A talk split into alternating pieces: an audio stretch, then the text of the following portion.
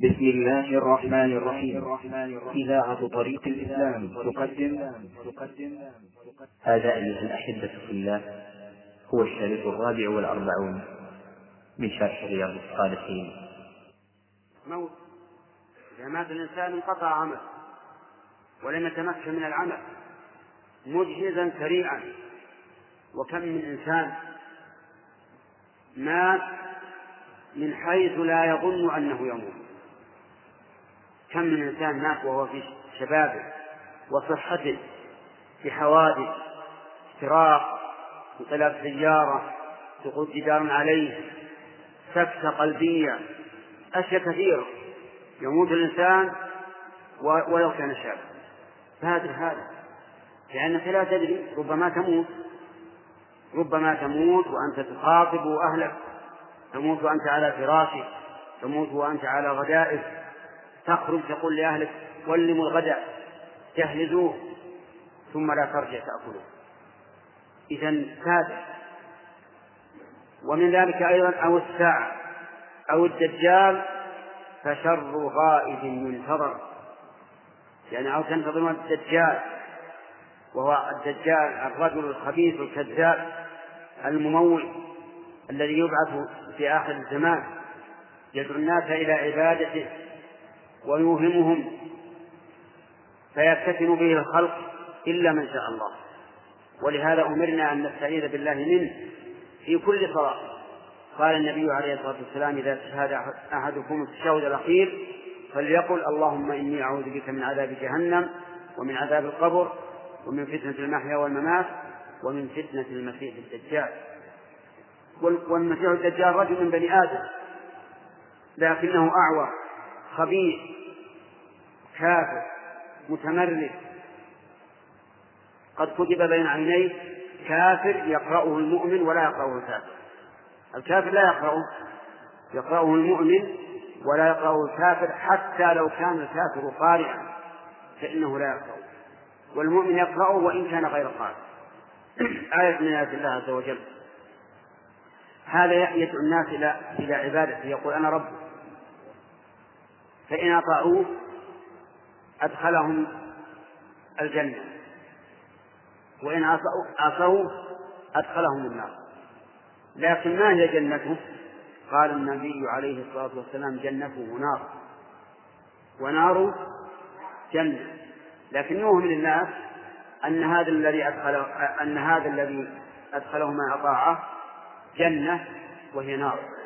وأنه إذا عصاه أحد أدخله في النار والنار هذه جنة ماء عذب طيب جنة. كذلك تأتي إلى القوم البادية يأتي إليهم ممثلين ليس في ضروع مواشيهم لبن ولا في أرضهم نبات فيدعوه يقول أنا ربكم فيستجيبون له. فيأمر السماء فتمطر. يقول للسماء أمطري فتمطر ويأمر الأرض فتنبت يقول للأرض أنبتي أيتها الأرض. فتنبت فيصبحون على أخصب ما يكون. ترجع إليهم مواشيهم أسبغ ما يكون ضروعا ضروعهم مملوءة وأطول ما يكون ذرى أسنمتها رفيعة من الشبع والسمن. فيبقون على عبادته لكنهم ربحوا في الدنيا وخسروا الدنيا والآخرة والعياذ بالله. هذا اتخذوه ربا من دون الله. فالدجال يقول الرسول صلى الله عليه وآله وسلم إنه شر غائب ينتظر. أعاذنا الله وإياكم من فتنة. قال أو الساعة وهي السابعة يعني أو تنتظرون الساعة يعني قيام الساعة فالساعة أدهى وأمر يعني أشد جاهية وأمر مذاقا. قال الله تبارك وتعالى بل الساعة موعدهم والساعة أدهى وأمر. والحاصل أن الإنسان لن يخرج عن هذه السبعة. وهذه السبعة كلها تعيقه عن العمل فعليه أن يبادر ما دام في صحة ونشاط وشباب وفراغ وأمن ولله الحمد. فليبادر الأعمال قبل أن يقول. أسأل الله أن يجعلني وإياكم ممن يتسابقون إلى الخير. قال رحمه الله تعالى باب استحباب زيارة القبور للرجال وما يقوله الزائر. عن بريدة رضي الله عنه قال قال رسول الله صلى الله عليه وسلم كنت نهيتكم عن زيارة القبور فزوروها. رواه مسلم. وفي رواية فمن أراد أن يزور القبور فليزر فليزر فإنها تذكرنا الآخرة.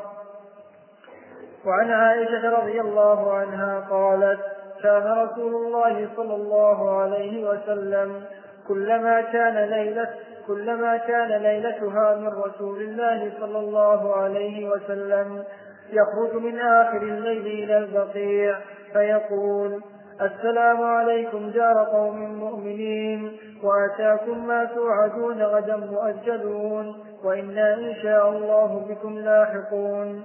اللهم اغفر لأهل, بقيع الغرقد رواه مسلم.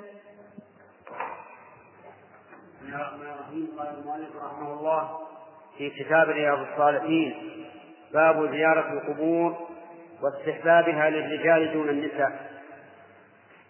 زيارة القبور يعني الخروج الخروج إليها امتثالا بل اتباعا لرسول الله صلى الله عليه وآله وسلم. والقبور هي دور الأموات وذلك أن الإنسان له أربعة دور الدار الأولى في بطن أمه والثانية الدنيا والثالثة القبور والرابعة الآخرة وهي المقر. وهي النهاية والغاية. جعلنا الله وإياكم من الفائزين فيها. هذه الدور هذه الدار أعني دار القبور. كان النبي صلى الله عليه وآله وسلم نهى عن زيارتها.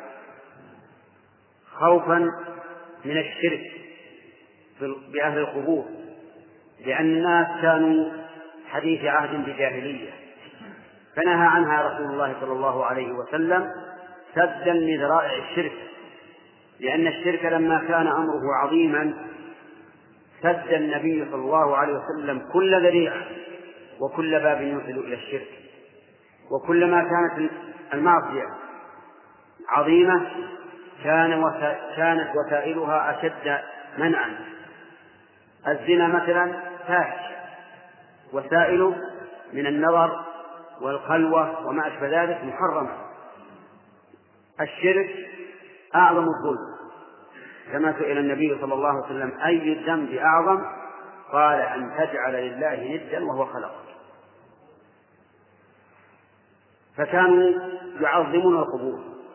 فنهاهم النبي صلى الله عليه وسلم عن ذلك. فلما استقر الإيمان في قلوبهم أذن لهم. فقال كنت نهيتكم عن زيارة القبور فزوروها فإنها تذكر فإنها تذكر الآخرة فرفع النبي صلى الله عليه وسلم النهي وأباح الزيارة بل رغب فيها لقوله فإنها تذكر الآخرة. والذي يذكر الآخرة ينبغي للإنسان أن أن يعمل به لأن القلب إذا نسي الآخرة غفل غفل واشتغل بالدنيا وأضاع الدنيا والآخرة لأن من أضاع الآخرة فقد أضاع الدنيا والآخرة. فينبغي أن يزورها. ولكن يزور القبور لنفعها أو للانتفاع بها. الأول لنفعها. ليدعوهم ليدعو لهم ليدعو لهم لا ليدعوهم. فيخرج ويسلم على القبور كما فعل النبي صلى الله عليه وسلم. وقالت عائشة إن النبي صلى الله عليه وسلم كان إذا كان عندها خرج من آخر الليل فسلم على أهل على أهل البقيع. وقال السلام عليكم دار قوم مؤمنين وإنا بكم لاحقون. غدا مؤجلون إلى آخر الحديث. ثم يقول اللهم اغفر لأهل بقيع الغرقد. بقيع الغرقد هو مقبرة أهل المدينة. وهذه الدعوة يرجى أن تشمل من كان من أهل بقيع الغرقد إلى يوم القيامة. ويحتمل أن يراد بهم أهل بقيع الغرقد الذين كانوا أهله في عهد الرسول عليه الصلاة والسلام فقط. فلا يشمل من يأتي بعدهم. ولكن من كان من أهل الرحمة فهو من أهل الرحمة سواء حصلت له هذه الدعوة أم لم تحصل. ومن كان من أهل الشقاء فإنه لا لا تشمله هذه الدعوة ولا ينتفع بها. المهم أن الإنسان ينبغي له أن يزور القبور في كل وقت في الليل في النهار في الصباح في المساء في يوم الجمعة.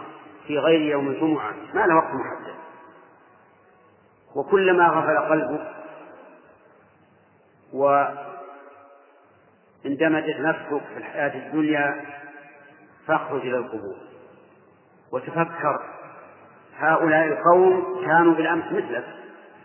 على الأرض يأكلون يشربون يتمتعون. والآن أين ذهبوا؟ صاروا الآن متهمين بأعمالهم. لا لم ينفعهم إلا عملهم كما أخبر بذلك النبي عليه الصلاة والسلام أنه يتبع الميت ثلاثة ماله وأهله وعمله. فيرجع اثنان ويبقى واحد. يرجع المال والأهل ويبقى العمل. ففكر في هؤلاء القوم. ثم سلم عليه السلام عليكم دار قوم مؤمنين. والظاهر والله أعلم أنهم يردون السلام لأنه يسلم عليهم بصيغة الخطاب السلام عليكم ويحتمل أن يراد بذلك السلام مجرد مجرد الدعاء فقط سواء سمعوا أم لم يسمعوا أجابوا أم لم يجيبوا. فعلى كل حال هو الإنسان يدعو له. ويقول مقررا المصير الحتمي وإنا إن شاء الله بكم لاحقون. إن شاء الله هذه تعود إلى وقت اللحوق وليس إلى اللحوق لأن اللحوق متيقن والمتيقن لا يقيد بالمشيئة لكن تعود إلى وقت اللحوق لأن كل واحد منا لا يدري متى يلحق.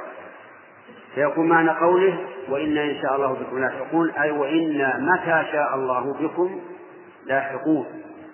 كقوله تعالى كلا لما يقضي ما ما أمره. ثم إذا شاء أنشره كلا لما يقضي ما أمره. ثم يدعو لهم يدعو لهم بالدعاء الذي جاءت به السنة فإن لم يعرف شيئا منه دعا بما تيسر.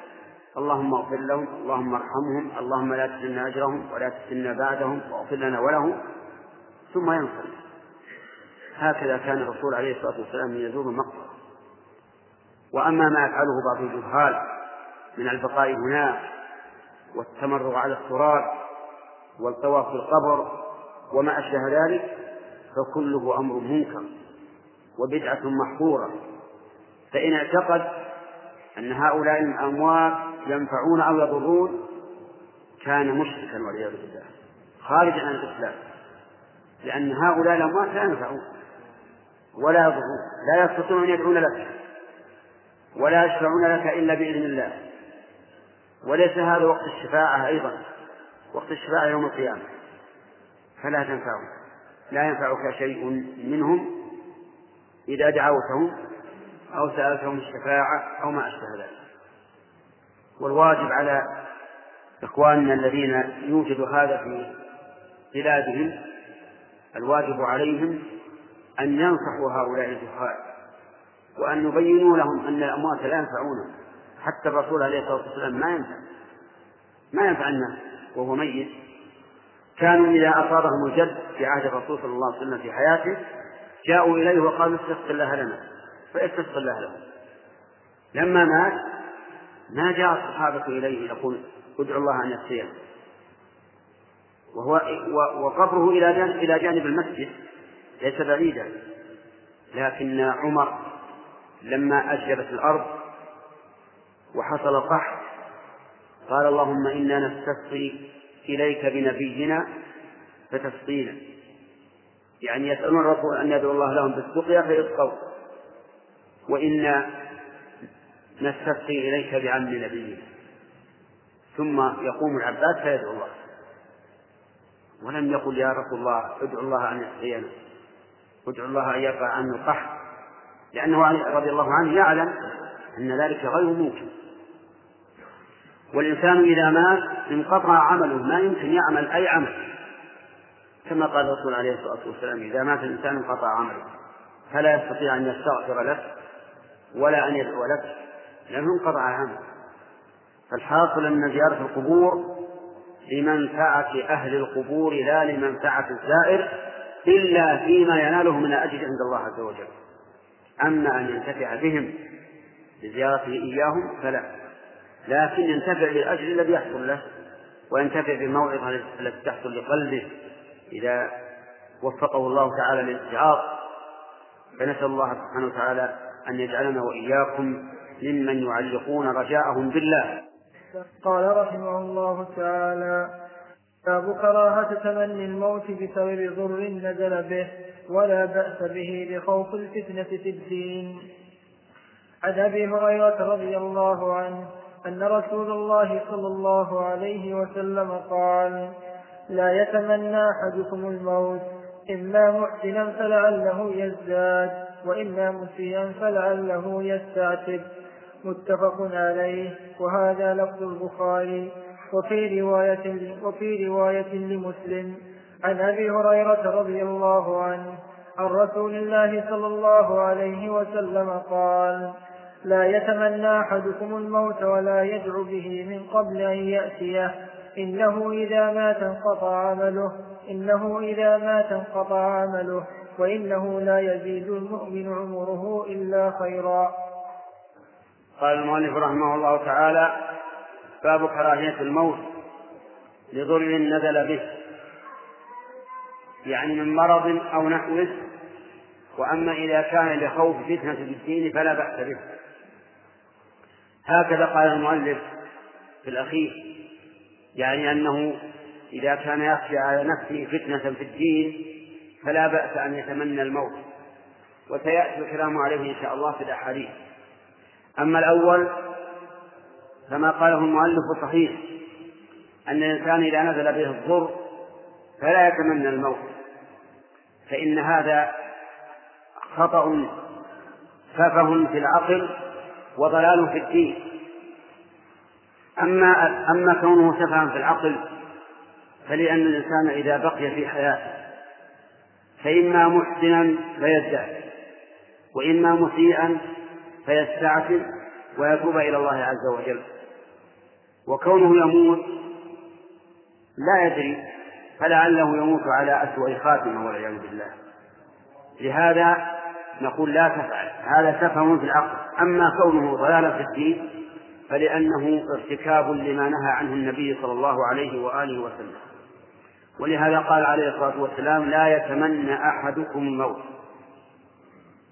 والنهي هنا للتحريم لأن التمني الموت فيه شيء من عدم الرضا بقضاء الله.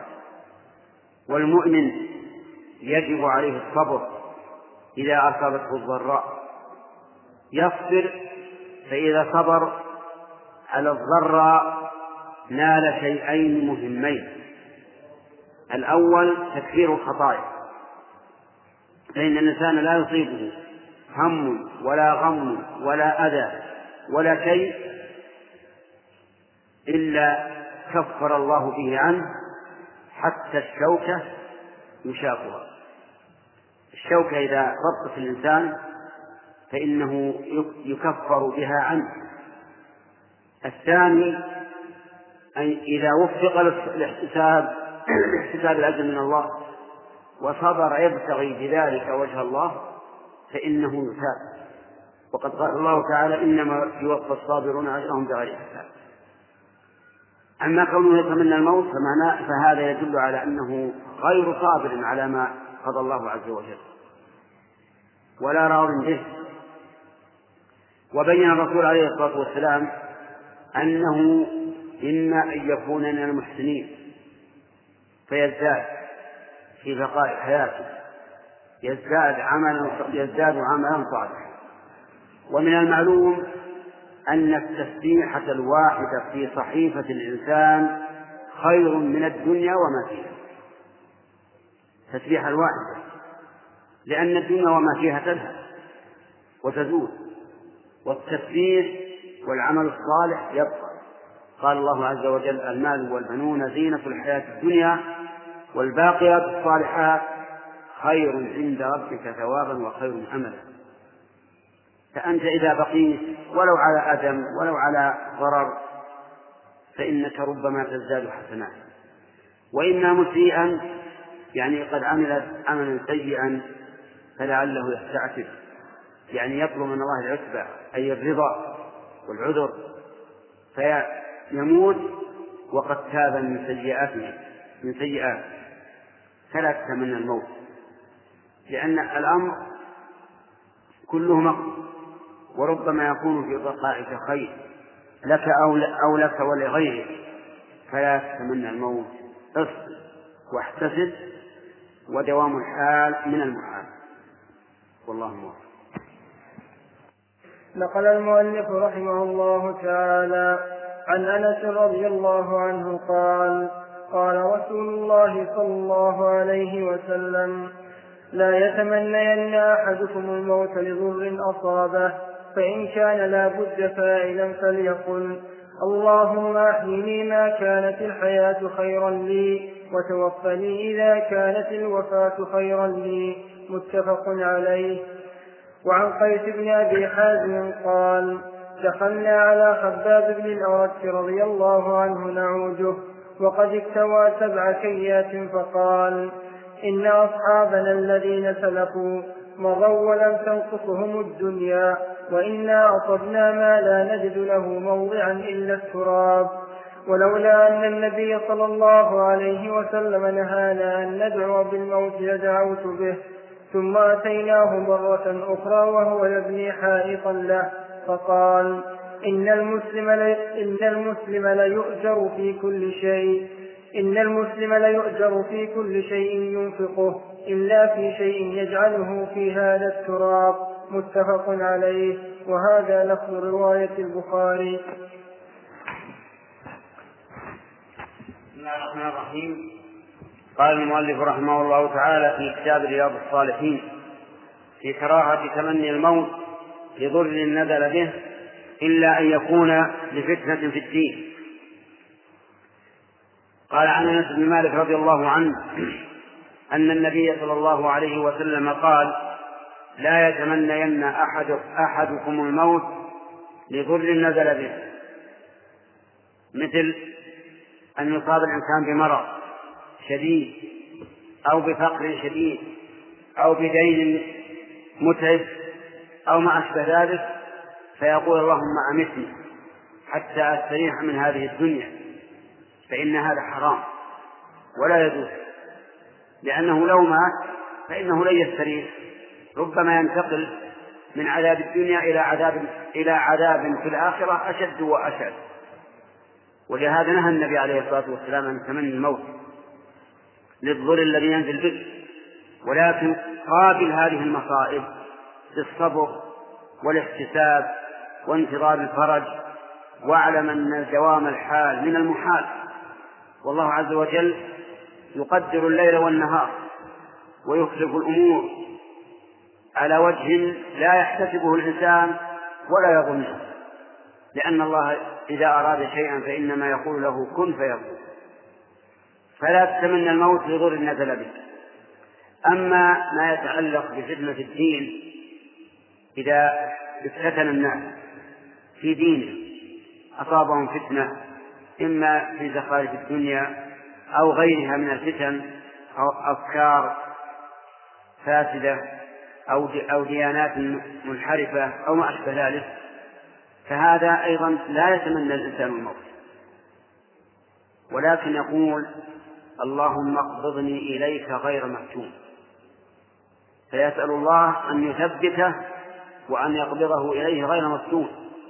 وإلا فليصبر لأنه ربما يكون بقاؤه. مع هذه الفتن خيرا للمسلمين يدافع عنهم ويناظر ويبي ويساعد المسلمين ويقوي ظهورهم.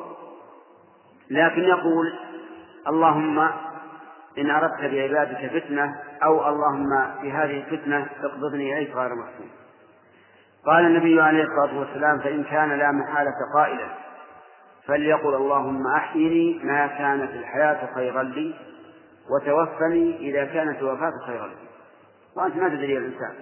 لكن اجعل أمر إلى الله.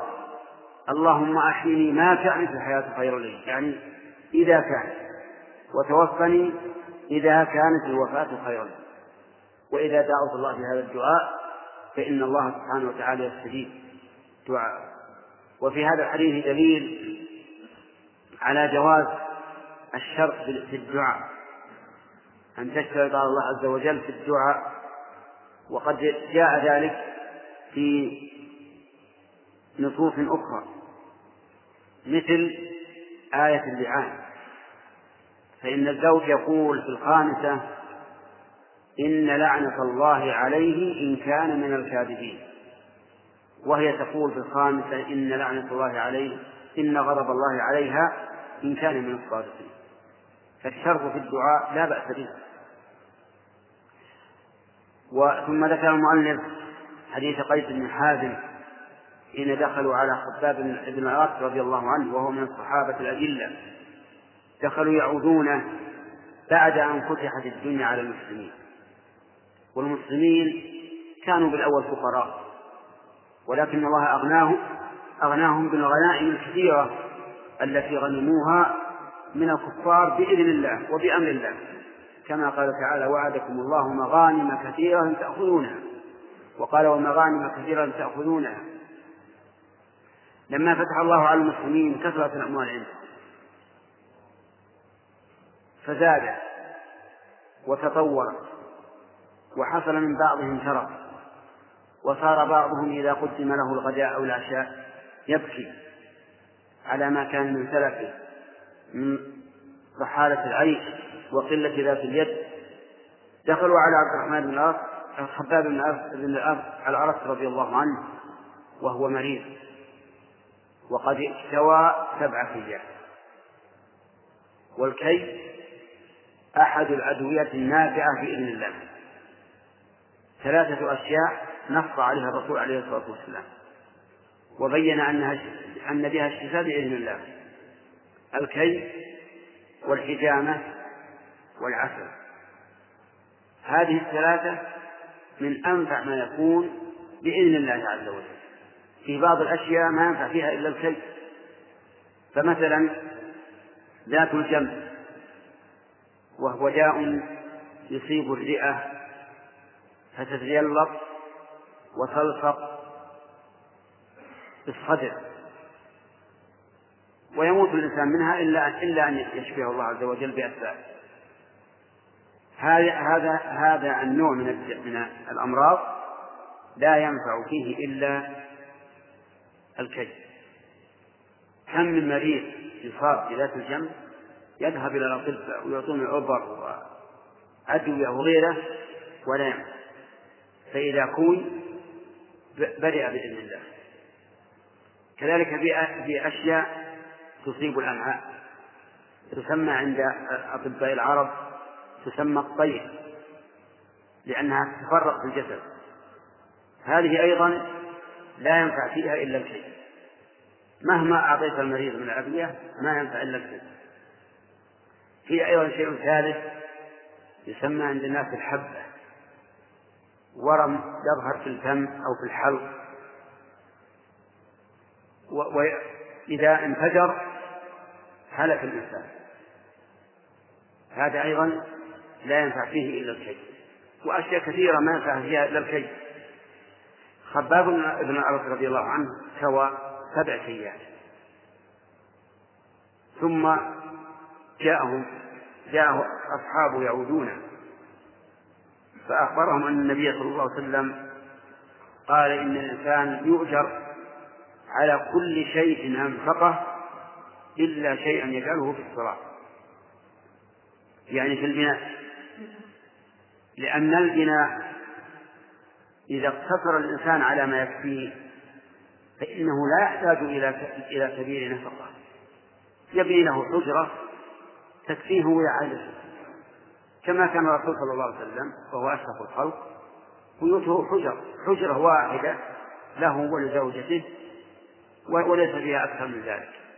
وعند قضاء الحاجة يخرجون إلى البر ويقضون حاجتهم في البر. لكن تتطور الناس.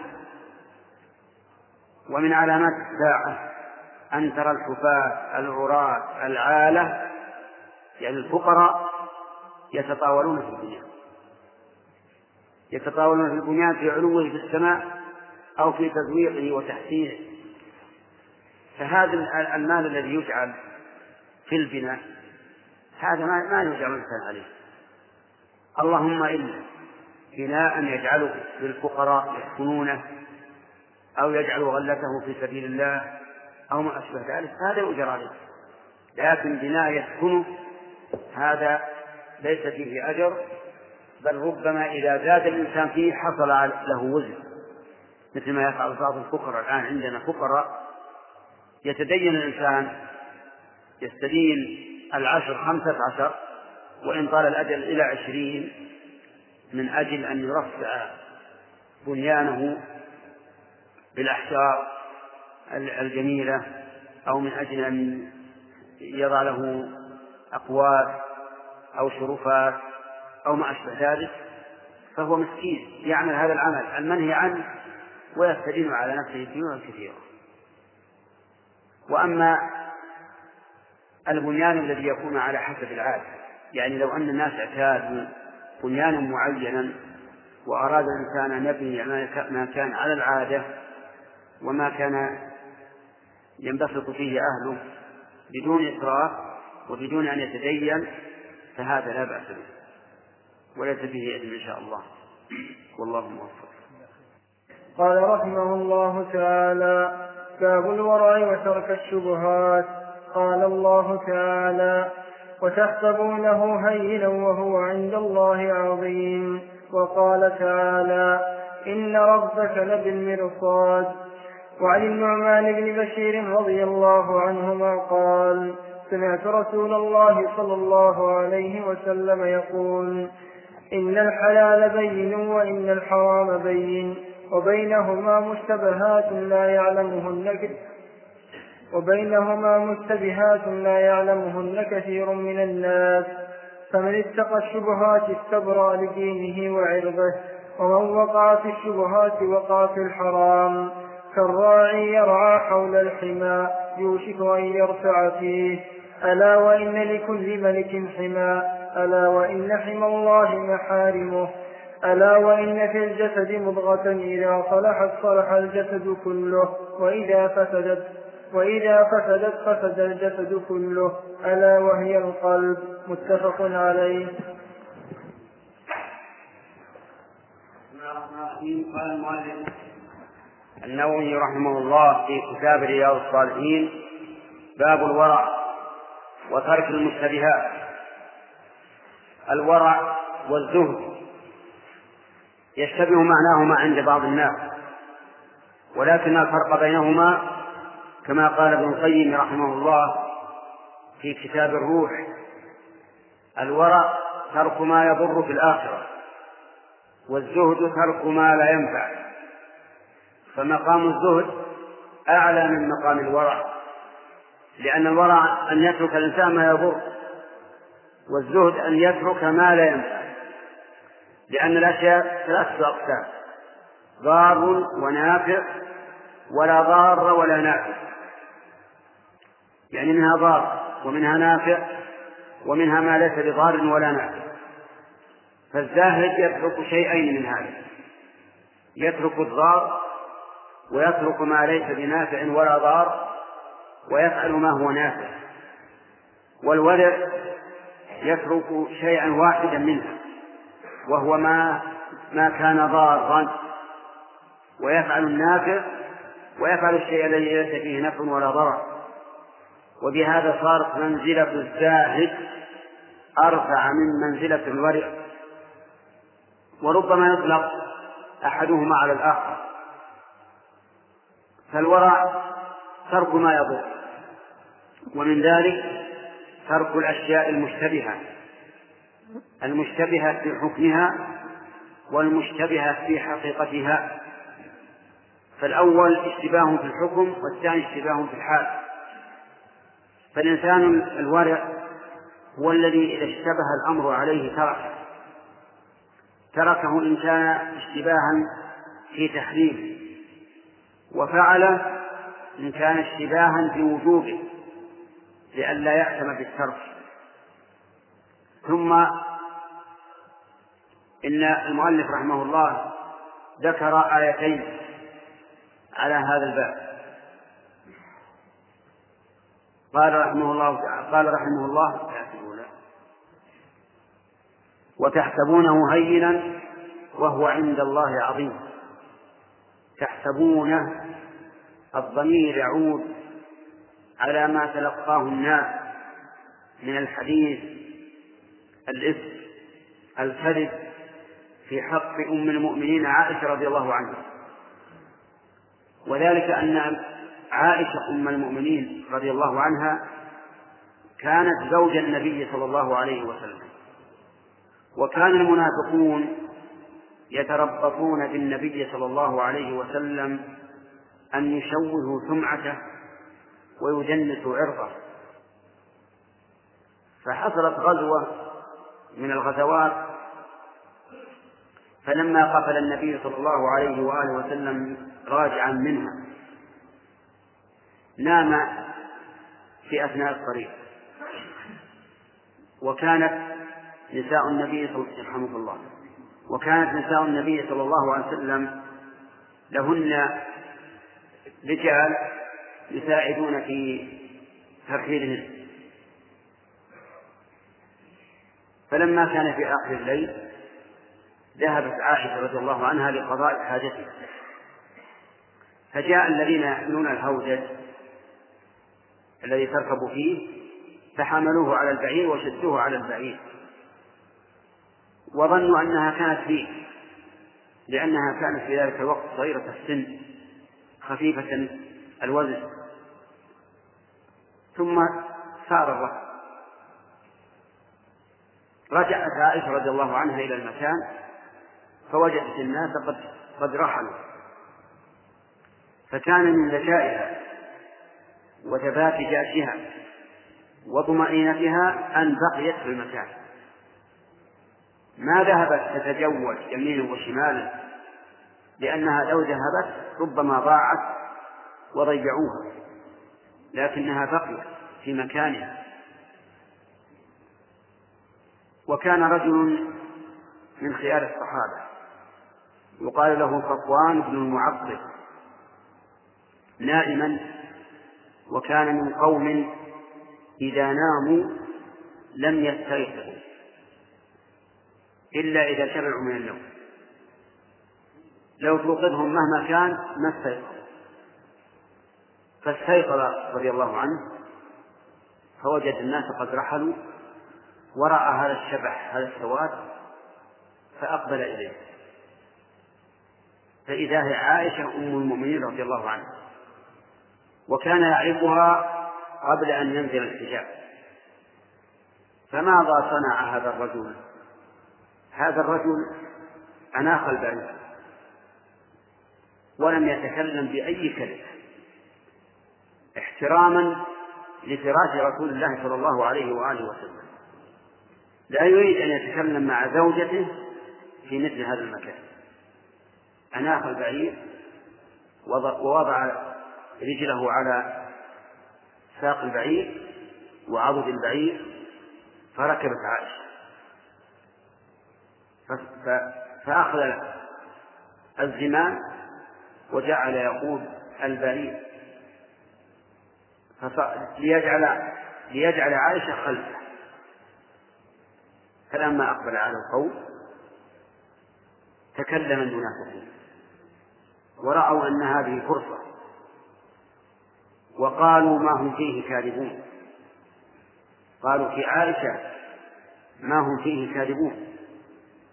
امرأة في سفر مع رجل تتأخر عن القول فصاروا يتكلمون في عرض عائشة. وهم لا يريدون عرض عائشة لا تهمهم. فتاة عند زوجها. الذي يهمهم تدنيس فراش رسول الله صلى الله عليه وسلم. قاتلهم الله أن يوفقون فجعلوا يتكلمون. وكان من حكمة الله عز وجل أن عائشة لما قدموا المدينة مرضت. وبقيت في البيت في بيته وكان النبي صلى الله عليه وسلم يدخل عليها. ولم تر منه ما كانت تراه بالأول. كان يمر ويقول كيف فيكم؟ يعني كيف هذا؟ ما يسأل ويلح ويقول كيف هي اليوم؟ عساها أحسن من أمس وما أشبه ذلك. يقول هذه الكلمة لأن كلام المنافقين شاع في المدينة وصار عند بعض المؤمنين تردد. والرسول عليه الصلاة والسلام كان لا يشك في أهله. ويرى أن الله يأبى عز وجل بحكمته أن يجنس فراش نبيه صلى الله عليه وآله وسلم. ولم يكن ليصدق بهذا أبدا. لكن مع كثرة الكلام كثرة القرع كثرة الإرشاد كان الإنسان بشرا وبعد أن مضى نحو شهر خرجت عائشة رضي الله عنها وخالتها أم مصبح بن وكالة خرجت تقضي حاجتها وكانوا في الأول ما عندهم مراحيض في البيوت. إذا أراد واحد يقضي حاجته ما عنده مكان يقضي حاجته في البيت. يخرجون على البر ينظرون مكانا نازلا مطمئنا يقولون فيه حاجة. فعثرت خرجت مع خالتها أم مصبح فعثرت فقالت تعس مصبح تقول أم مصبح تعس مصبح فاستغربت عائشة. كيف تقول لرجل من المهاجرين شهد بدرا تقول تعس مصبح فقالت ليش؟ لما تقول هذا الكلام؟ لأن معنى تعس يعني خسر وهلك. فقالت أنا علمت بكذا وكذا وكذا. فازدادت عائشة رضي الله عنها مرضا إلى مرضها وصارت تبكي ليلا ونهارا. لا يرقى لها دم. ولا تهنأ بعيش وبينما, وبينما الأمر كذلك حتى انتهى نفاق المؤمنين نفاق المنافقين إلى رأس إلى الرأس. أنزل الله فيها هذه الآيات الكريمة. إن الذين جاءوا بالإفك عصبة منكم يعني طائفة منكم لا تحسبوه شرا لكم بل هو خير لكم سبحان الله. هذا الإفك والرمي بالفاحشة لا نحسبه خيرا؟ نعم. لا نحسبه شرا؟ نعم لا نحسبه شرا. بل هو خير لكم لأنه حصل به من تمحيص الذنوب. ورفعة المقامات والدفاع عن عن عرض الرسول عليه الصلاة والسلام وفراشه ما هو خير؟ لكل امرئ منهم ما اكتسب من الإثم. كل واحد تكلم في هذا الأمر له ما اكتسب من الإثم والذي تولى كبره منهم له عذاب عظيم. أعظمهم الذي قاد هذه الفتنة هو أعظمهم والعياذ بالله. ثم ثم ساقت ساق الله الآيات إلى قوله إذ تلقونه بألسنتكم وتقولون بأفواهكم ما ليس لكم به علم وتحسبونه هينا وهو عند الله العظيم. وكان الورع والأف والتقى أن لا تتكلموا في هذا الأمر. من أين مصدره؟ من المنافقين. الذين هم أكذب عباد الله. المنافقون أكذب الناس ولهذا من علامات النفاق الكذب. استمعوا إلى قول الله عز وجل إذا جاءك المنافقون قالوا نشهد إنك لرسول الله. شهادة مؤكدة في إن ولا قال الله عز وجل والله يعلم إنك لرسول حق إنك رسول والله يشهد إن المنافقين لكاذبون. شهادة بشهادة أيها أعظم. قولهم نشهد إنك لرسول الله أو قول الله يشهد والله يشهد إنهم لكاذبون. لا شك قول الله. فهو يشهد عز وجل إن المنافقين لكاذبون في قولهم نشهد إنك لرسول الله. هذا الخبر أو هذه الفاحشة التي أشيعت مصدرها من المنافقين. وعلى رأسهم عبد الله بن أبي بن سلول. لكنه الخبيث لا يتكلم صراحة. يأتي للناس يقولون ما سمعتم ما قيل في عائشة. قيل كذا وكذا. فيه أناس من من المؤمنين تكلموا بهذا صراحة. منهم مصطح بن وثاث وحسان بن ثابت رضي الله عنه وحمنا بن جحش تكلموا لأنهم بشر. أقسم أبو بكر رضي الله عنه أن لا ينفق على مصطح بن وثاثة مصطح بن وثاثة ما هو؟ ابن خالد. لكنه أقسم أن لا ينفق عليه. لأنه قال في ابنته بل قال في رسول الله صلى الله عليه وسلم ما لا يليق. فماذا قال الله عز وجل؟ قال الله تعالى ولا يأتل أولو الفضل منكم والسعة أن يؤتوا أولي القربى والمساكين والمهاجرين في سبيل الله. لا يأتل يعني لا يأتل والمراد بهذا من؟ أبو بكر. لا يأتل أولو الفضل منكم والسعة أن يؤتوا أولي القربى والمساكين والمهاجرين في سبيل الله. من يعني بأولي القربى واليتامى والمساكين والمهاجرين؟ مصطح ألا تحبون أن يغفر الله لكم؟ والله غفور رحيم. لما نزلت هذه الآية قال أبو بكر بلى والله نحب أن يغفر الله لنا. فرد النفقة على مصطح هذا الامتثال العظيم. ولا رجل يقول في ابنته ما يقول بل في رسول الله ما يقول. فأمر النبي صلى الله عليه وسلم أن يجلد مصطح حسان حمنة كل واحد ثمانين جلد. حد القدر. لكن عبد الله بن أبي ما أمر بجلده. لأنه خبيث ما يصرح. ولأن الحد تطهير للمحدود. وعبد الله بن أبي ليس أهلا للطهارة. رجس نجس خبيث. فالحاصل أن من الورع أن الإنسان لا يتكلم إلا بما يعلم وهذا الاستشهاد الذي استشهد به المؤلف ينطبق تماما على زماننا الآن ما أكثر الذين يتكلمون في ولاة الأمور؟ بغير علم. ما أكثر الذين يتكلمون في العلماء؟ بغير علم. ما أكثر الذين يتكلمون في طلبة العلم بغير علم. ما أكثر الذين يتكلمون في المحسنين من ذوي الأموال بغير علم. ليس عند الناس ليس عند أكثر الناس ورع.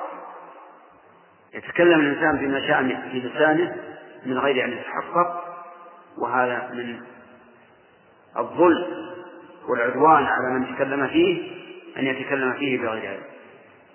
لما قال الرسول عليه الصلاة والسلام في الغيبة. إنها ذكرك أخاك بما يكره. قالوا أرأيت إن كان في أخي ما أقول؟ قال إن كان فيه ما تقول فقد اغتبته وإن لم يكن فيه ما تقول فقد ذهبت. نسأل الله أن يحمي ألسنتنا وألسنتكم من الكذب وقول الزور وأن يعصمنا من الزلل ويعفو عنا إنه جواد كريم نقل المؤلف رحمه الله تعالى عن النعمان بن بشير رضي الله عنهما قال سمعت رسول الله صلى الله عليه وسلم يقول إن الحلال بين وإن الحرام بين وبينهما مشتبهات لا يعلمهن كثير من الناس. فمن اتقى الشبهات استبرأ لدينه وعرضه ومن وقع في الشبهات وقع في الحرام كالراعي يرعى حول الحمى يوشك أن يرتع فيه. ألا وإن لكل ملك حمى ألا وإن حمى الله محارمه. ألا وإن في الجسد مضغة إذا صلحت صلح الجسد كله وإذا فسدت فسد الجسد كله. ألا وهي القلب متفق عليه. الرحمن الرحيم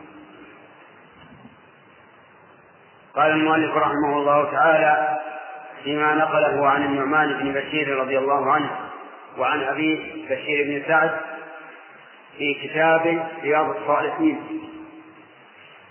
أن النبي صلى الله عليه وسلم قال الحلال بين والحرام بين وبينهما مشتبهات لا يعلمهن كثير من الناس. قسم النبي صلى الله عليه وسلم الأمور إلى ثلاثة أقسام. حلال بين وحرام بين ومشتبه. الحلال البين كحل بهيمة الأنعام والحرام البين كتحريم الميتة والدم ولحم الخنزير وما, وما أشبه ذلك. وكل ما في القرآن من كلمة أحل فهو حلال ومن كلمة حرم فهو حرام. أحل الله البيع هذا بيع حلال بين. حرم الربا هذا حرام بين. هناك أمور مشتبهات تخفى على الناس وسبب الخفاء وأسباب الخفاء كثيرة. منها أن لا يكون أن لا يكون النص ثابتا عند الإنسان. يعني يتردد هل يصح عن الرسول عليه الصلاة والسلام أو لا يصح؟ ثم إذا صح تشتبه دلالته هل يدل على كذا أو لا يدل؟ ثم إذا دل على شيء معين يشتبه هل له مخصص إن كان عاما؟ هل له مقيد إن كان مطلقا؟ ثم إذا تبين يشتبه هل هو باق أو منسوخ؟ المهم أن أسباب الاشتباه كثيرة. فما هو الطريق إلى حل هذا الاشتباه بينه النبي عليه الصلاة والسلام فقال من اتقى الشبهات استبرأ لدينه وعرضه من اتقاها يعني تجنبها إلى الشيء الواضح البين استبرأ لدينه وعرضه استبرأ لدينه حيث سلم من الوقوع في المحرم ولعرضه حيث سلم من كلام الناس فيه. لأنه إذا أخذ الأمور مشتبهة صار عرضة للكلام فيه كما إذا أتى الأمور البينة الواضح تحريمها ثم ضرب النبي صلى الله عليه وسلم مثلا لذلك بالراعي راعي غنم أو إبل أو بقر يرعى حول الحمى يعني حول الحمى الذي حماه أحد من الناس لا يرعى فيه أحد. ومعلوم أنه إذا حمي ازدهر وكثر عشبه أو كثر زرعه لأن الناس لا ينتهكونه بالرعي.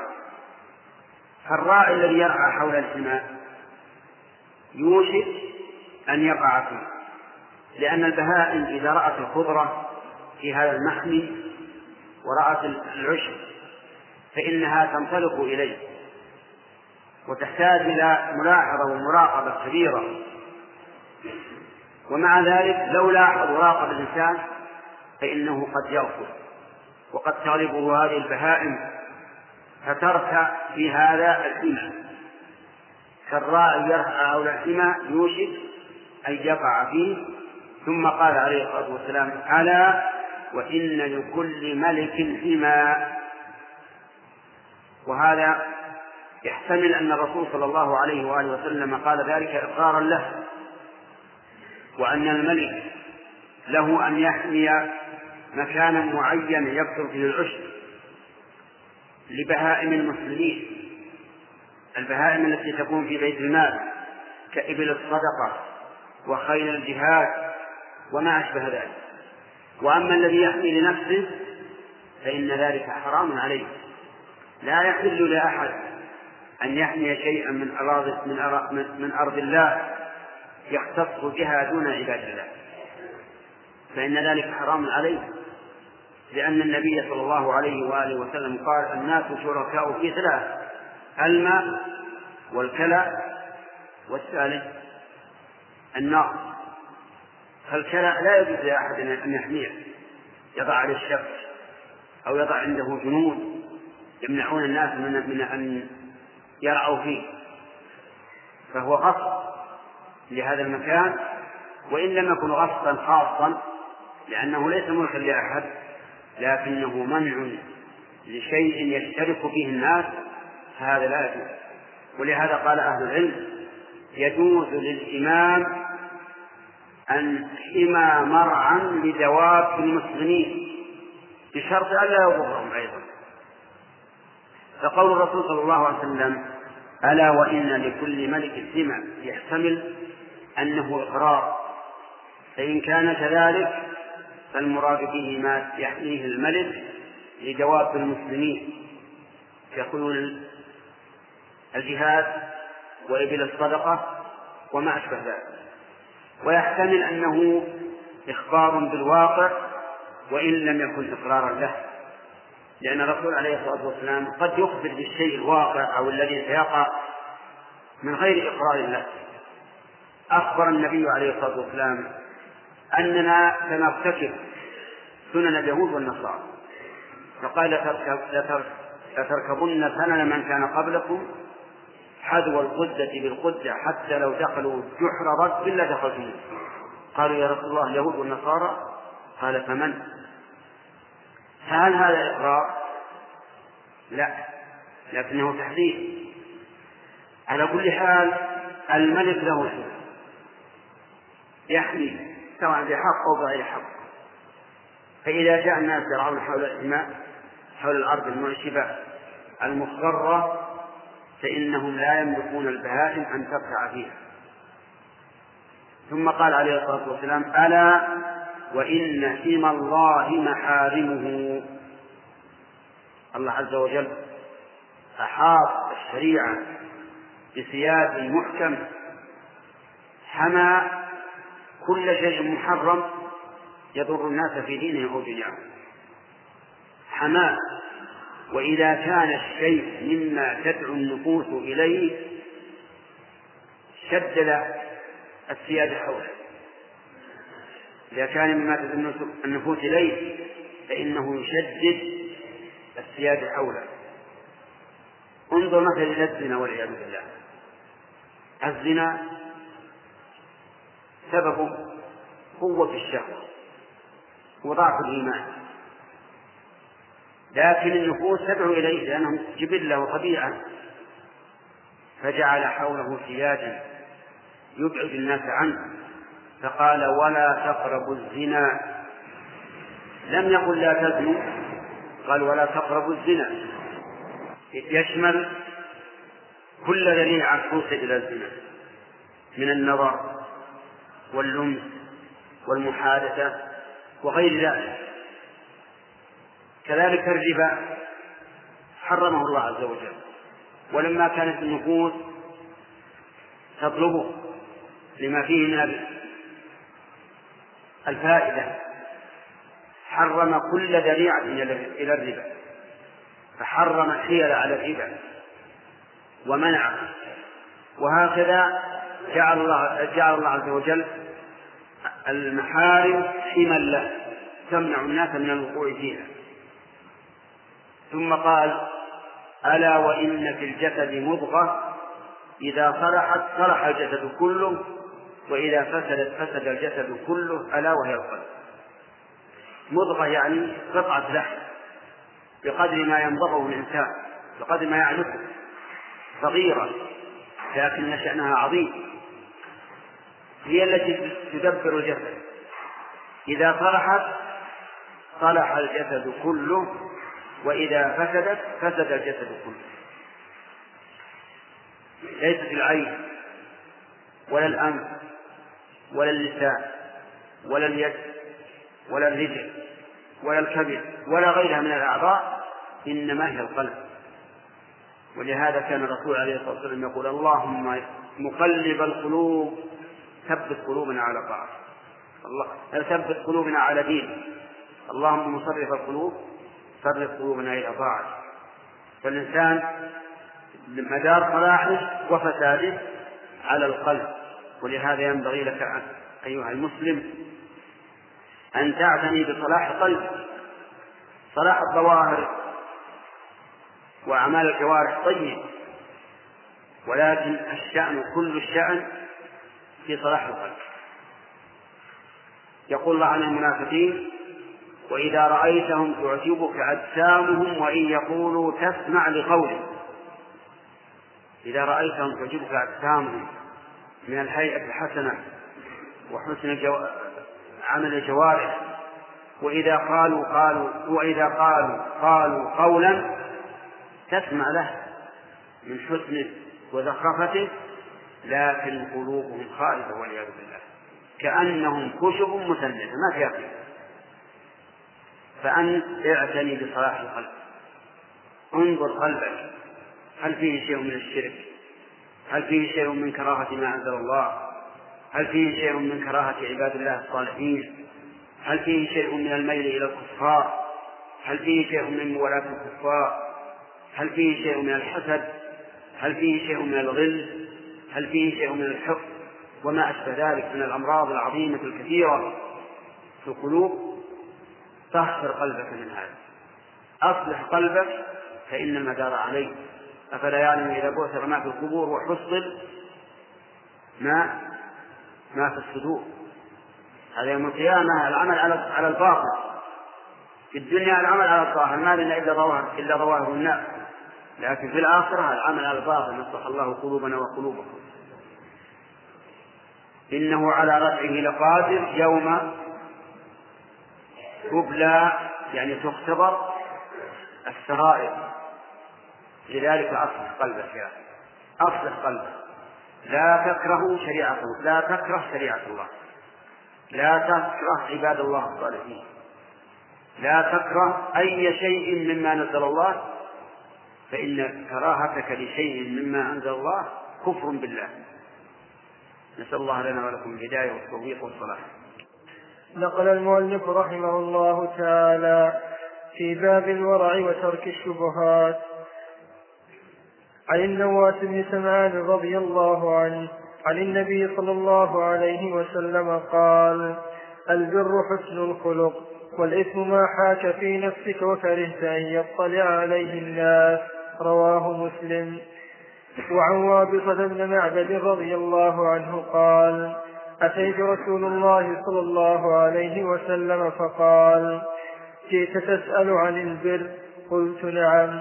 قال استفت قلبك البر ما اطمأنت إليه النفس واطمأن إليه القلب والإثم ما حاك في النفس وتردد في الصدر وإن أفتاك الناس وأفتوك. حديث حسن رواه أحمد والدارمي والدارمي في مسنديهما والدارمي في مسنديهما.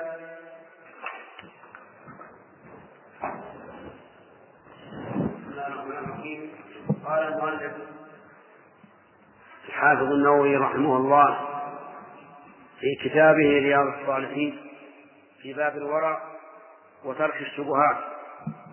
عن وابصة بن معبد رضي الله عنه أن النبي صلى الله عليه وسلم قال البر حسن الخلق. البر حسن الخلق والإثم ما حاك في نفسك وما ما تردد في نفسك وكرهت أن يطلع عليه الناس. فقوله عليه الصلاة والسلام البر حسن الخلق يعني أن حسن الخلق من البر. الداخل في قوله تعالى وتعاونوا على البر والتقوى وحسن الخلق يكون في عبادة الله ويكون في معاملة عباد الله. فحسن الخلق في عبادة الله أن يتلقى الإنسان أوامر الله بصدر منشرح ونفس مطمئنة. ويفعل ذلك بانقياد تام بدون تردد وبدون شك وبدون تسخر. يؤدي الصلاة مع جماعة مقابل لذلك. يتوضأ في في أيام البرد منقادا لذلك. يتصدق بالزكاة من ماله منقادا لذلك. يصوم رمضان منقادا لذلك. يحج منقادا لذلك. وأما في معاملة الناس فأن يقوم ببر الوالدين وصلة الأرحام وحسن الجوار والنصح بالمعاملة وغير هذا وهو منشرح الصدر. واسع البال لا يضيق بذلك ذرعا ولا يتضجر منه. فإذا علمت من نفسك أنك في هذه الحال فإنك من أهل البر أما الإثم فهو أن الإنسان يتردد في الشيء ويشك فيه ولا ترتاح له نفسه. وهذا في من نفسه مطمئنة راضية بشرع الله. وأما أهل الفسوق والفجور فإنهم لا يترددون في الآثام. تجد الإنسان منهم يفعل المعصية منشرحا بها صدره والعياذ بالله. لا لا يبالي بذلك. لكن صاحب الخير الذي وفق للبر هو الذي يتردد الشيء في نفسه ولا تطمئن إليه ويحيك في صدره. فهذا هو الإثم. وموقف الإنسان من هذا أن يدع وأن يترك إلى شيء تطمئن إليه نفسه ولا يكون في صدره حرج منه. وهذا هو الورع. ولهذا قال النبي عليه الصلاة والسلام وإن أفتاك الناس وأفتوك. حتى لو أفتاك مفتي لأن هذا جائز. ولكن نفسك لم تطمئن ولم تنشرح إليه فدعه فإن هذا من الخير والبر. إلا إذا علمت أن في نفسك مرضا من من الوسواس.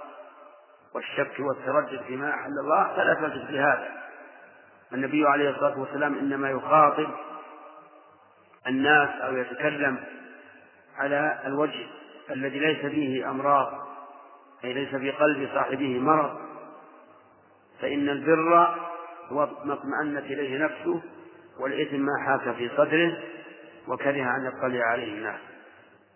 نقل المؤلف رحمه الله تعالى عن عقبة بن الحارث رضي الله عنه أنه تزوج ابنة لأبي إيهاب بن عزيز. أنه تزوج ابنة لأبي إيهاب بن عزيز. فأتته امرأة فقالت إني قد أرضعت عقبة والتي قد تزوج بها. فقال لها عقبة ما أعلم أنك أرضعتني ولا أخبرتني.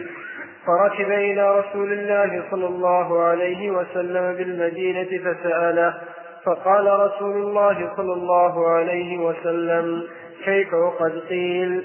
ففارقها عقبة ونكحت زوجا غيره رواه البخاري. وعن الحسن بن علي رضي الله عنهما قال حفظت من رسول الله صلى الله عليه وسلم دع ما يريبك إلى ما لا يريبك. رواه الترمذي وقال حديث حسن صحيح.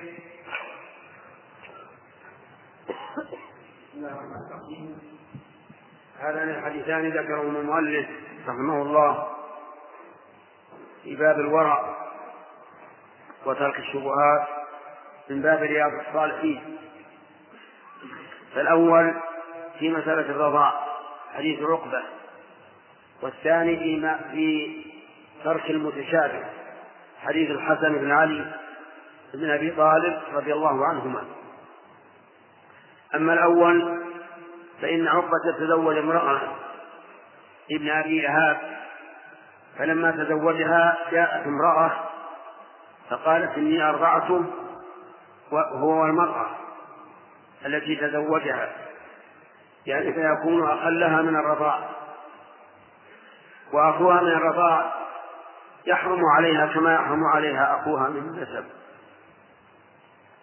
لقول النبي صلى الله عليه وآله وسلم يحرم من الرضاع ما يحرم من النسب. ولكن لابد لهذا من شروط. الشرط الأول أن يكون اللبن من آدمية.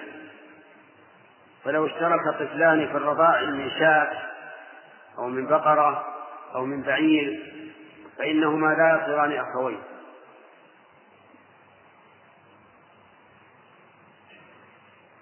لأنه لابد أن يكون الرضاع من آدمية لقوله تعالى وأمهاتكم اللاتي أرضعنكم.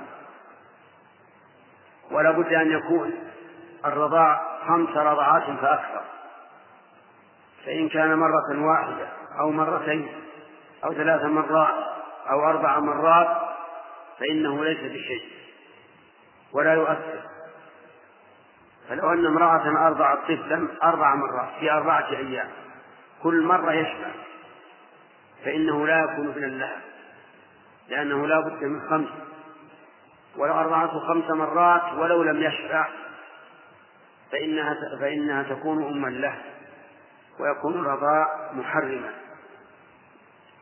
ولا بد أن يكون في زمن الإرضاع وهو ما قبل الفطام في الحولين. فإن لم يكن في هذا الزمن بأن أرضعته وهو كبير فإن ذلك لا يؤثر.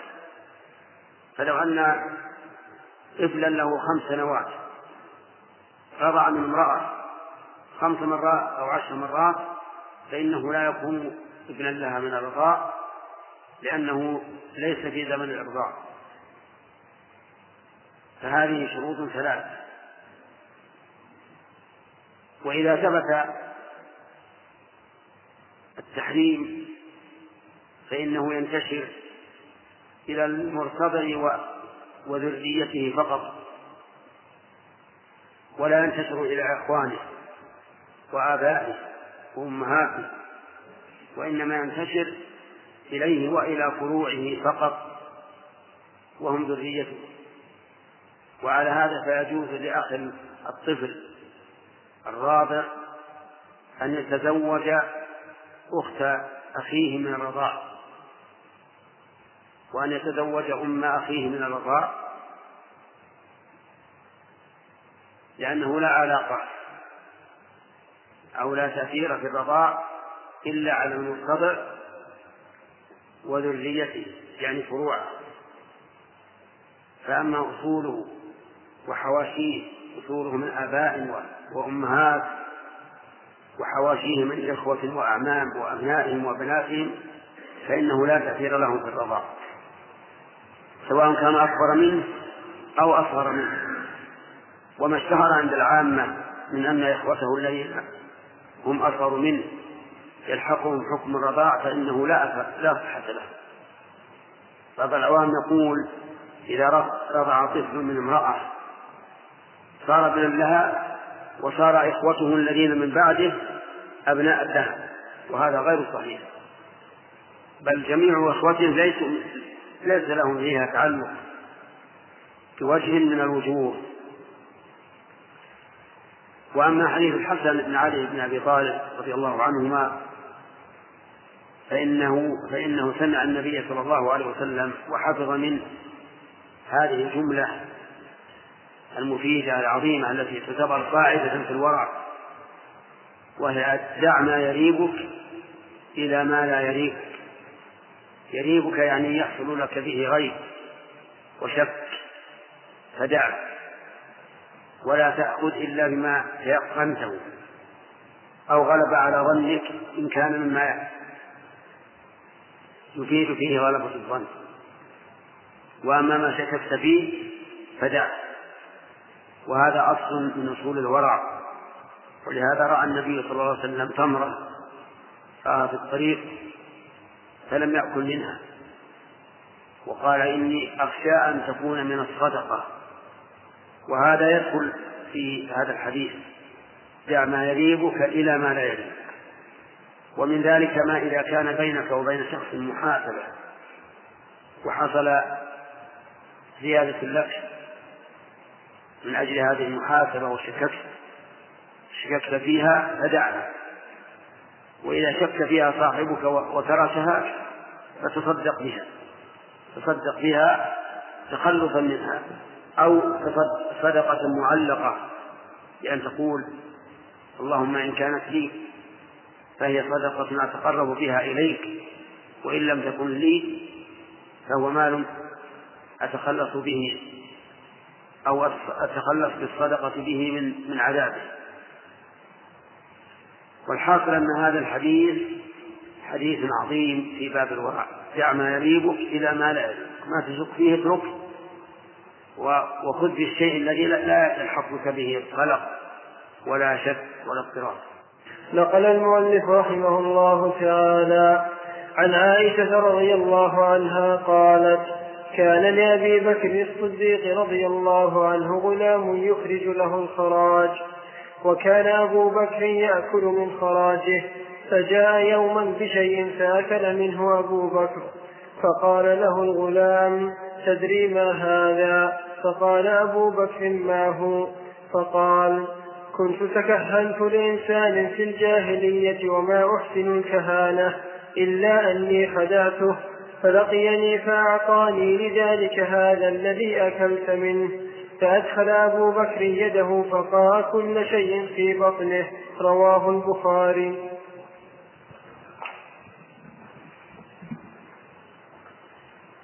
بسم الله الرحمن الرحيم.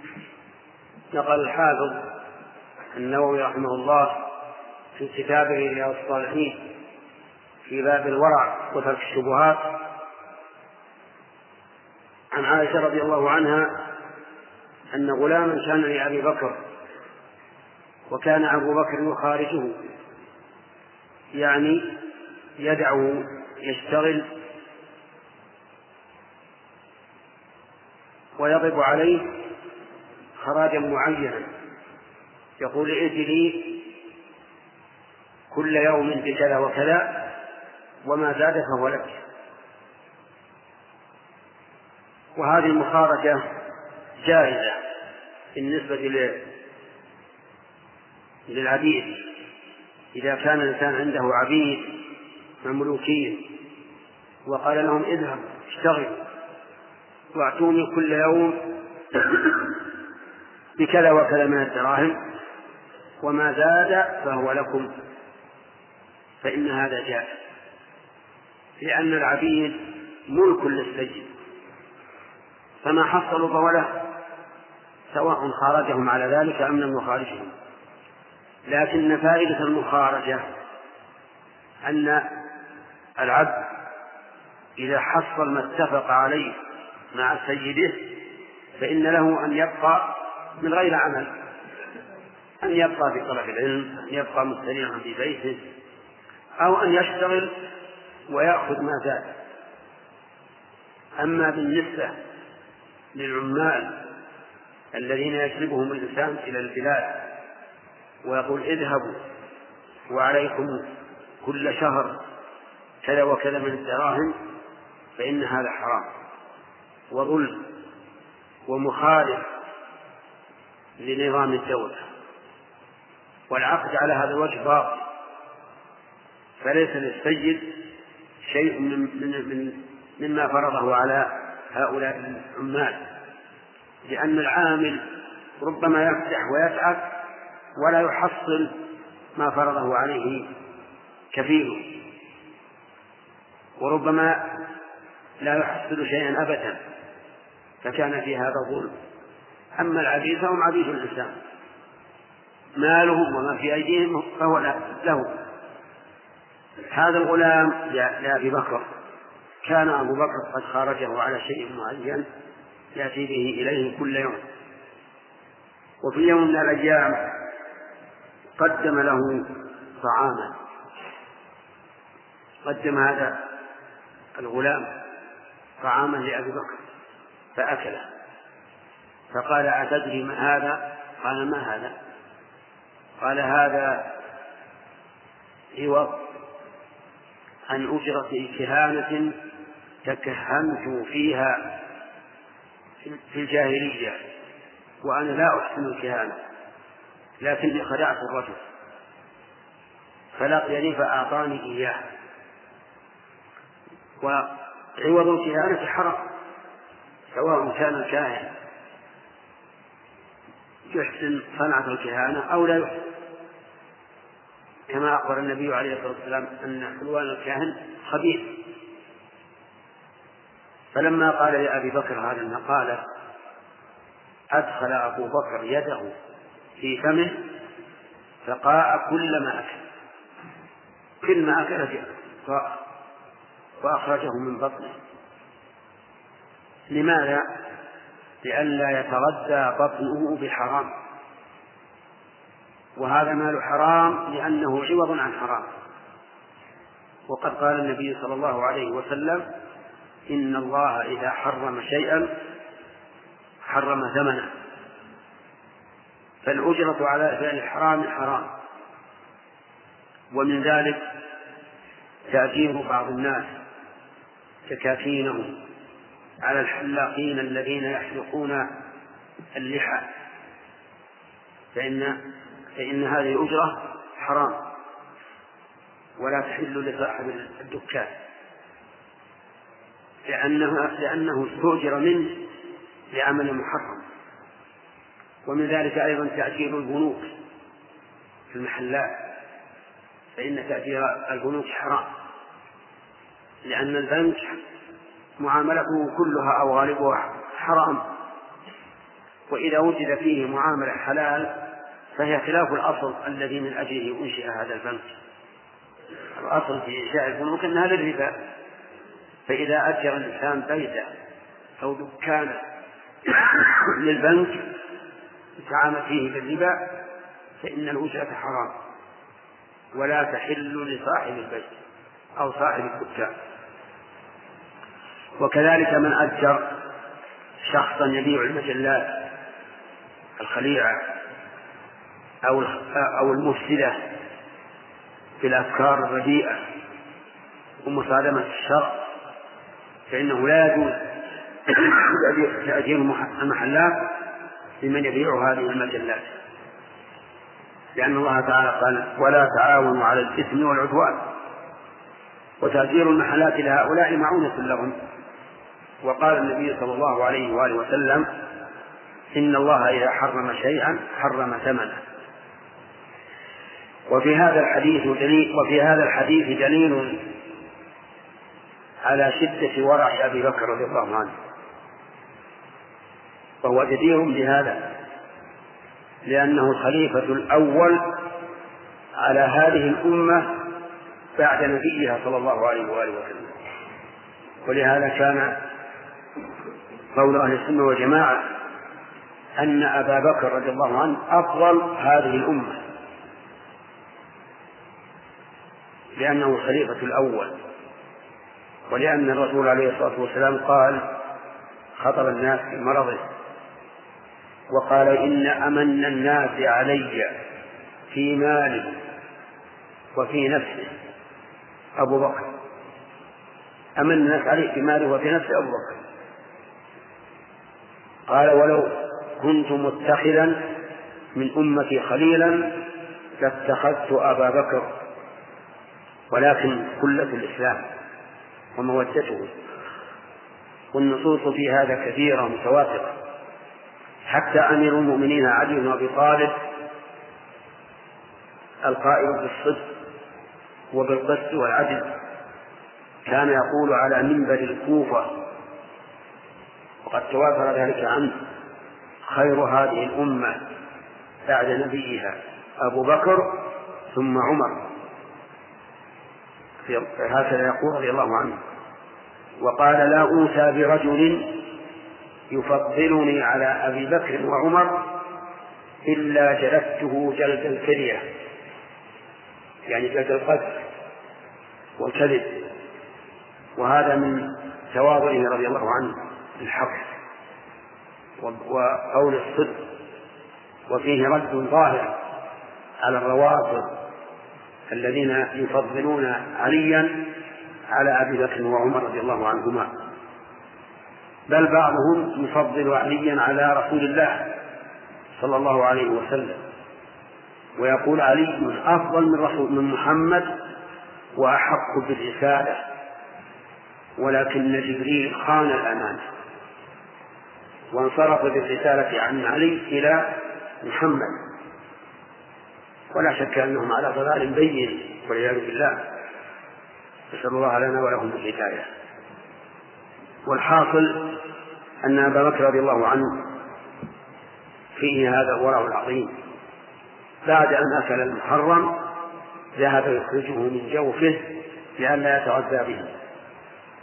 الله الموفق نقل المؤلف رحمه الله تعالى عن نافع أن عمر بن الخطاب رضي الله عنه كان فرض للمهاجرين الأولين أربعة آلاف وفرض لابنه ثلاثة آلاف وخمسمائة فقيل له هو من المهاجرين فلم نقصته؟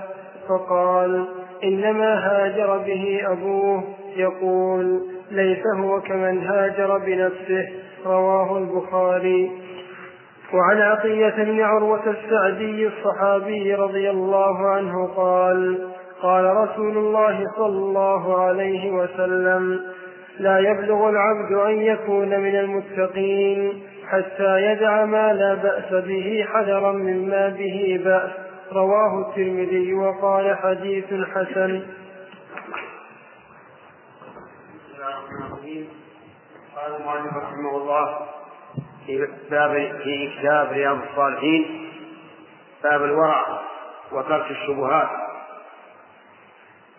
فيما نقله عن نافع عن عبد الله بن عمر رضي الله عنهما أن أمير المؤمنين عمر بن الخطاب فرض للناس أعطياتهم من بيت المال فجعل المهاجرين أربعة آلاف وجعل لابنه عبد الله ثلاثة آلاف وخمسمائة وخمسمائة.